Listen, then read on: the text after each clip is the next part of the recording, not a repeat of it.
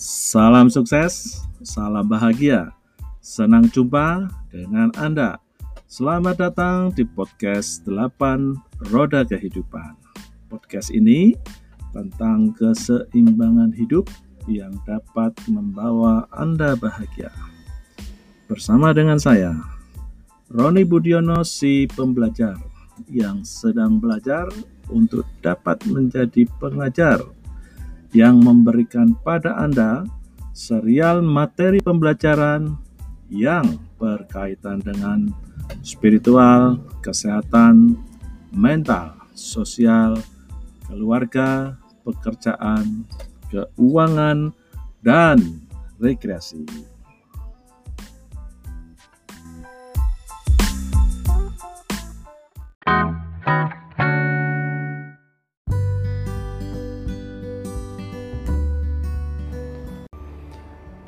Ada dua orang teman saya dulu ya bagaimana bentuk roda kehidupannya.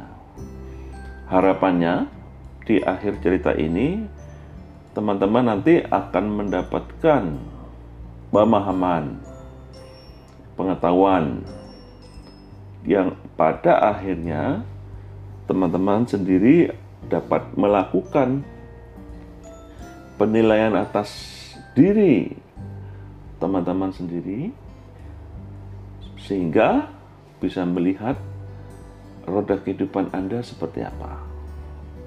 Nah, dari sana teman-teman nanti akan bisa tahu di area kehidupan mana yang perlu ditingkatkan. Baik ya, saya mulai dari cerita yang pertama. Jadi saya teringat suatu peristiwa di mana saat itu saya sedang bepergian dengan teman saya ini. Nah, ketika bepergian, ini perjalanan di suatu kota, antar kota begitu ya. Nah, saat itu siang hari waktu jam sembayang ya, jam sholat teman saya ini minta izin ke saya.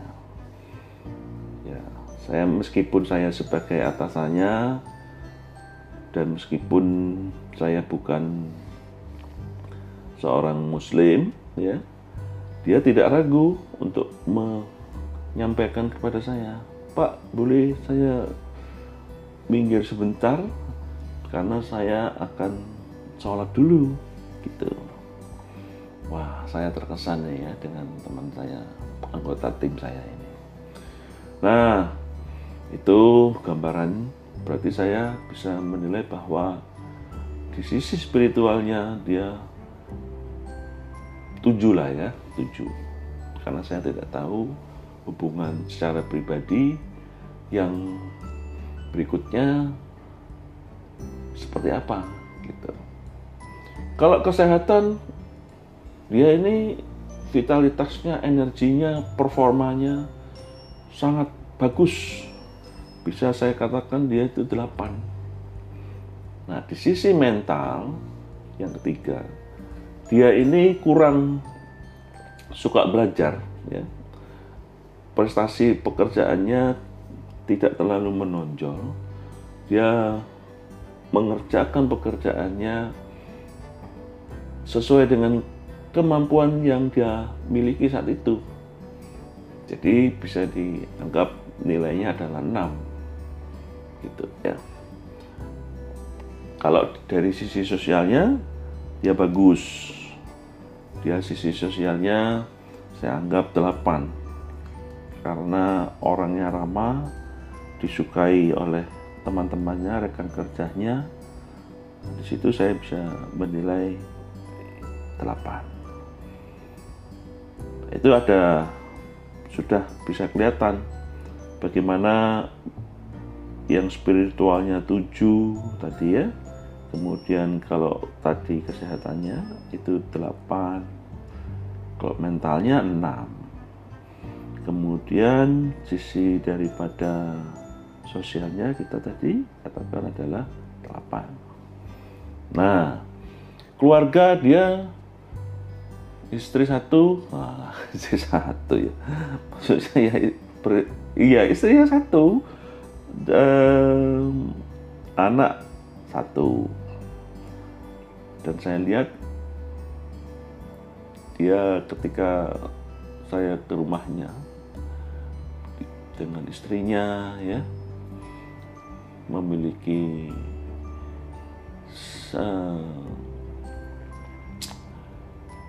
kedamaian lah ya saya katakan saya bisa merasakan ada suasana sejahtera damai di sana. Ya entah mengapa saya kok bisa merasakan kalau mamanya ada hubungan suami istri keluarga yang harmonis sama tidak itu saya bisa sedikit membedakan. Ya anggap saja di keluarganya itu tujuh setengah gitu ya. Kemudian di pekerjaan prestasinya saya anggap dia standar ya jadi tujuh. Nah di sisi keuangan ini juga tujuh. Kemudian yang terakhir di rekreasi ini enam. Kok enam ya? Dia punya hobi itu dia. Dia punya hobi bercocok tanam. Dia kadang juga membawa keluarga. Ya tujuh lah ya. Nah, nah ini teman-teman kalau mamanya kita gambarkan atau bayangkan sekali lagi mana spiritualnya tujuh kesehatan delapan mental enam sosialnya delapan ya keluarga tujuh setengah pekerjaan tujuh. Kemudian keuangannya tujuh ya. Kemudian rekreasinya tujuh. Kita bisa mendapatkan kesan bahwa kalau nilai-nilai ini angka-angka ini dihubungkan satu sama lain maka rata-ratanya kita bisa melihat ini tujuh ada memang nilai 6 yaitu di mental. Itu minus satu ya kan dari 7 ada yang dua area kehidupannya 8 dan 8 ya kesehatan 8 kemudian yang sosialnya juga 8 nah ini plus satu. Jadi dalam hati ini ketika teman-teman nanti membuat roda kehidupan Anda ini toleransi nya itu memang satu jadi minus satu atau plus satu. Jadi it's okay ya. Bisa dikatakan ini teman saya yang satu ini punya roda yang seimbang gitu. Ya ini kita yang pertama. Cerita yang kedua. Teman saya ini pekerjaannya saya kasih nilai 9 ya. Dia wah excellent sekali itu prestasinya setiap bulan capai target ya. Kemudian yang saya ketahui keuangannya itu cukup bagus ya 8 karena dia capai target terus menerus dapat insentif. Dan rekreasi rekreasinya dia 8 lah ya karena saya lihat dia orangnya suka nonton ya punya hobi dan seterusnya. Kemudian kalau yang kaitannya dengan keluarga dia punya problem dikit. Nah ceritanya begini ya. Dengan orang tuanya dia itu kurang harmonis. Dia suka bertengkar ya suka bertengkar suka membantah. Dan sering kali saya mendengar bahwa apa yang dia lakukan itu sering mengecewakan daripada orang tuanya. Ya singkat cerita kalau dibuat ini empat lah ya empat. Kalau sosial dia bagus tujuh gitu. Nah kalau kaitannya dengan mental orangnya suka belajar orangnya suka belajar. Bisa saja dia baca buku sebulan itu 2 sampai 3 buku dia habis. Baca 8 8 lah ya. Kesehatan biasa-biasa saja. Bagus setuju. Nah spiritual ini yang sedikit ada cerita unik ini ya. Kok cerita unik ya? Ada cerita yang berkesan saya karena satu kali dia datang ke ruangan saya. Kemudian saya lihat dia itu mukanya ya ekspresi mukanya itu kelihatan berbeban berat. Lalu dia mengungkapkan masalahnya. Saya ketika mendengar masalahnya itu saya tahu bahwa dia punya nilai spiritualnya bisa dikatakan tiga Nah, ini ya. Mengapa demikian? Karena dia bercerita dia punya masalah. Masalahnya kurang lebih begini. Dia itu sudah tunangan gitu ya. Dan tunangannya ini anak dari seorang marinir. Eh, kok dia lalu menghamili temannya yang lainnya. Nah, anda bayangkan itu problemnya sangat berat. Di satu sisi dia sudah punya tunangan, tapi dia selingkuh dengan perempuan lain dan perempuan lain ini sampai hamil. Lalu dia tanya kepada saya. Nah, kemudian pada saat itu saya ceritakan saya dapat hikmat itu peristiwanya sama seperti Daud waktu itu ya. Daud itu juga melakukan hal yang sama. Dia melakukan selingkuh dengan Betseba sehingga punya anak dan anaknya mati. Nah, singkat cerita, saya kasih nasihat itu secara tegas saya katakan ya dia harus bertanggung jawab kepada perempuan yang dia hamili dan ambil konsekuensi untuk memutuskan dengan tunangannya itu. Sempat dia ragu karena dia takut akan dipukuli itu sama orang tuanya. Orang tuanya itu kan marinir gitu ya. Lalu saya katakan, ya atas segala perbuatan yang dia lakukan dia harus bertanggung jawab dan menerima konsekuensi apa saja yang menjadi kesalahannya dia. Dan akhirnya ya saya lihat sebelum meninggalkan ruangan, dia berketetapan hati untuk melakukan apa yang menjadi nasihat saya. Nah, saat setelah beberapa waktu kemudian saya dipindah kerja.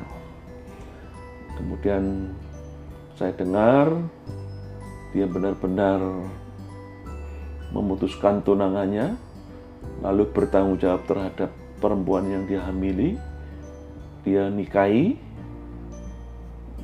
dan saya juga tidak tahu ya mengapa kemudian saya dengar anak yang dia dapat dari hasil sebelum pernikahan itu juga meninggal.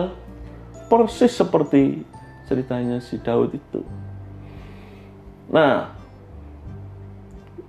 saya kalau berkesimpulan bahwa di sisi spiritual ini juga perlu kita cermati dalam kehidupan kita.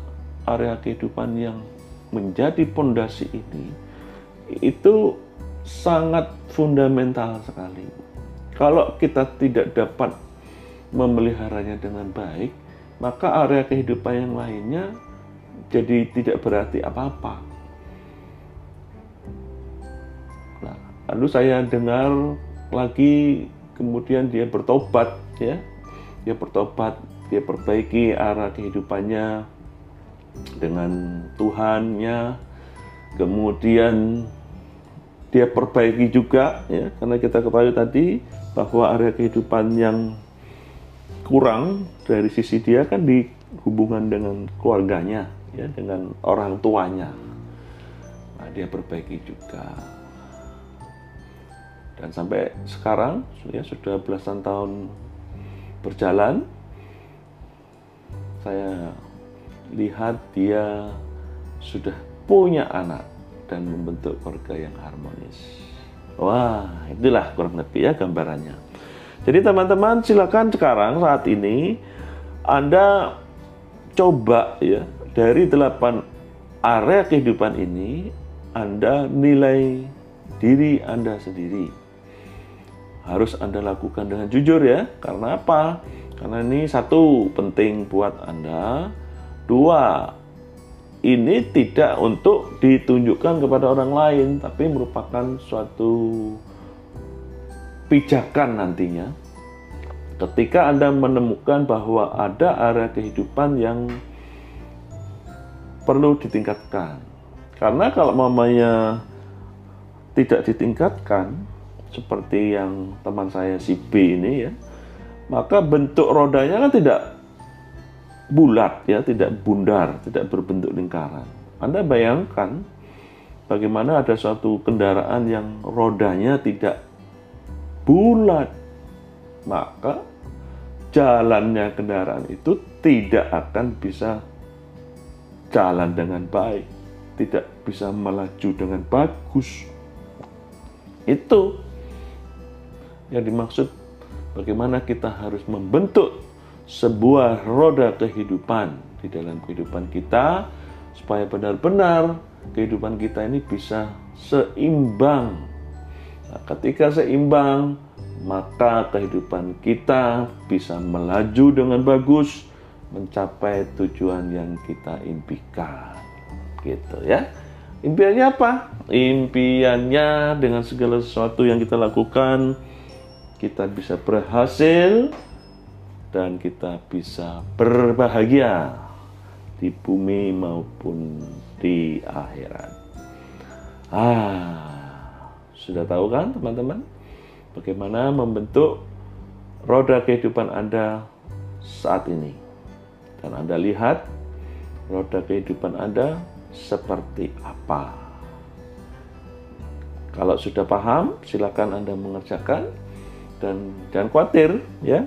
Di episode yang ketiga nantinya, saya akan memberikan informasi, memberikan sharing ya, bagaimana cara untuk memperbaiki area kehidupan yang perlu ditingkatkan.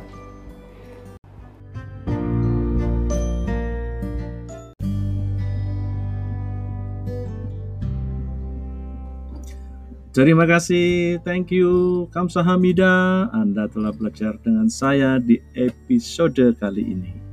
Pastikan Anda menekan tombol follow supaya Anda dapat mengikuti materi pembelajaran di episode berikutnya. Jika Anda puas, beritahu teman-teman Anda. Jika Anda belum puas, beritahu saya. Anda dapat menginformasikannya di Instagram, Facebook, Twitter 8 Roda Kehidupan. Salam sukses, salam bahagia.